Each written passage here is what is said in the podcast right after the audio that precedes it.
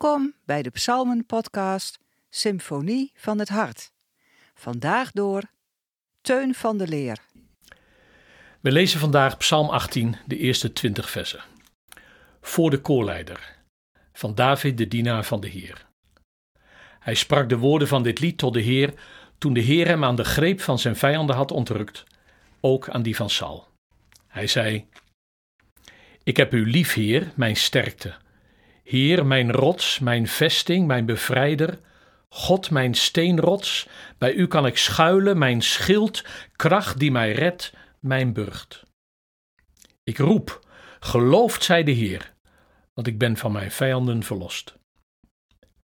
Mij omsloten de banden van de dood, de kolkende afgrond joeg mij angst aan, de banden van het dodenrijk omklemden mij, op mijn weg lagen de valstrikken van de dood. In mijn nood riep ik tot de Heer. Ik schreeuwde naar mijn God om hulp. In zijn paleis hoorde hij mijn stem. Mijn roepen bereikte zijn oren. Toen schudde en schokte de aarde. De bergen trilden op hun grondvesten, beefden omdat hij vlamde van woede. Rook steeg op uit zijn neus, verterend vuur kwam uit zijn mond. Hij spuwde hete as. Hij schoof de hemel open en daalde af, duisternis onder zijn voeten. Hij besteeg de gerub en vloog, zwevend op de vleugels van de wind. Hij maakte van het donker zijn schuilplaats, trok een tent om zich heen van duister water, dichte wolken. Een vuurgloed ging voor hem uit, wolken joegen voort, hagel en gloeiende as. De donder van de Heer klonk aan de hemel. De Allerhoogste verhief zijn stem. Hagel en gloeiende as. Hij schoot zijn pijlen en sloeg de vijanden uiteen, wierp zijn bliksemschichten en verdreef hen. De beddingen van het water werden zichtbaar, de grondvesten van de wereld kwamen bloot door uw dreigende blik, Heer, door de briesem adem uit uw neus. Hij bood hulp van omhoog greep mij vast en trok mij op uit de woeste wateren. Ontrukte mij aan mijn machtige vijand, aan mijn haters, die sterker waren dan ik. Op de dag van mijn ondergang vielen zij aan, maar de Heer was mij tot steun.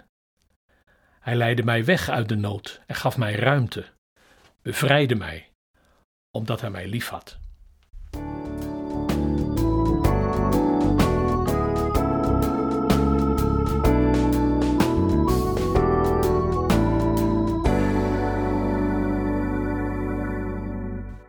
Heb je wel eens over nagedacht wat er op jouw grafsteen zou komen staan? Ik bedoel niet per se letterlijk, maar meer hoe zou je willen dat mensen je typeren? Als ze dat in één woord zouden moeten doen, wat zou dat dan zijn? En wat zou jij willen dat dat zou zijn? Met welk woord zou jij je diepste identiteit uitgedrukt willen zien? Ik herinner mij hoe ik twintig jaar geleden getroffen werd door de rouwkaart van professor Dr. Johannes Verkuil hoogleraar missiologie aan de Vrije Universiteit in Amsterdam. Iemand met wie ik regelmatig contact had en die veel betekend heeft en nog voor mijn eigen theologische ontwikkeling.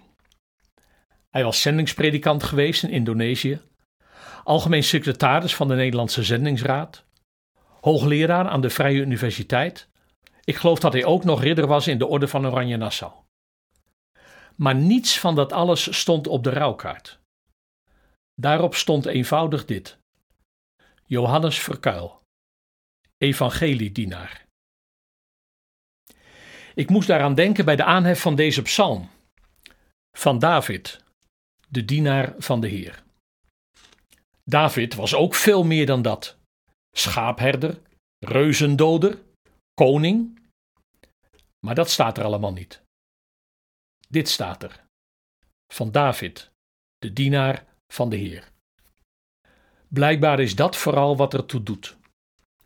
En dat krijgt nog eens een extra accent als je realiseert dat David deze psalm schrijft op het einde van zijn leven. We weten dat omdat de psalm in vrijwel dezelfde bewoordingen voorkomt in 2 Samuel 22, waar vervolgens wordt gezegd: Dit zijn de laatste woorden van David, de geliefde zanger van Israël. Je zou dus kunnen zeggen dat David in deze psalm de balans opmaakt van zijn leven. En dan vallen een paar dingen op. Om te beginnen dat hij daar nogal wat woorden voor nodig heeft. Psalm 18 is met afstand de langste psalm van de 41 uit het eerste boek van de psalmen. De psalmen bestaan uit vijf boeken. Zie de Leerhuisdienst op weg met de psalmen van 2 januari elders op de website. Maar liefst 20 versen langer dan nummer 2, psalm 22. En de rest is nog korter. In de 51 versen die deze psalm telt, verhaalt David van nood en redding, strijd en overwinning, van bevrijding en koningschap. Met prachtige beelden en metaforen van Gods verpletterende, hoogverheven grootheid en reddende macht.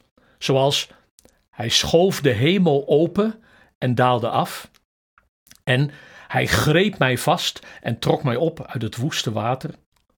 En het ontroerende, hij leidde mij weg uit de nood en gaf mij ruimte, bevrijdde mij omdat hij mij liefhad. Het tweede dat opvalt is de hartstochtelijke inzet in de versen 2 en 3, waarmee een bijzondere toon wordt gezet. Ik heb u lief, Heer, zo begint het. En dan komt er een hele opsomming. Mijn sterkte, mijn rots, mijn vesting, mijn bevrijder, mijn steenrots, mijn schild, mijn reddende kracht, mijn burcht. Zo'n dicht opeengepakte hartstochtelijke beleidenis kom je nergens anders in de psalmen tegen. Het is een intense liefdesverklaring die behoorlijk uitzonderlijk is. Het woord liefhebben dat hier wordt gebruikt komt van de ingewanden of is verwant met het woord baarmoeder. Het beschrijft een diepe gegrepenheid en liefde die elders alleen gebruikt wordt voor de liefde van God voor mensen. De bewegingen van Gods hart resoneren hier in het hart van David. Daarom is David er ook zeker van dat het verhaal niet eindigt met het einde van zijn leven, maar dat Gods trouw door de geslachten door zal gaan, en dus ook het loflied voor hem. Luister naar de laatste twee versen, 50 en 51. Daarom wil ik u prijzen te midden van de volken, Heer, een loflied zingen tot eer van uw naam.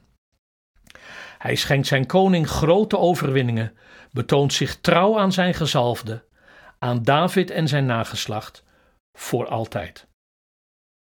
Dat is het derde dat opvalt.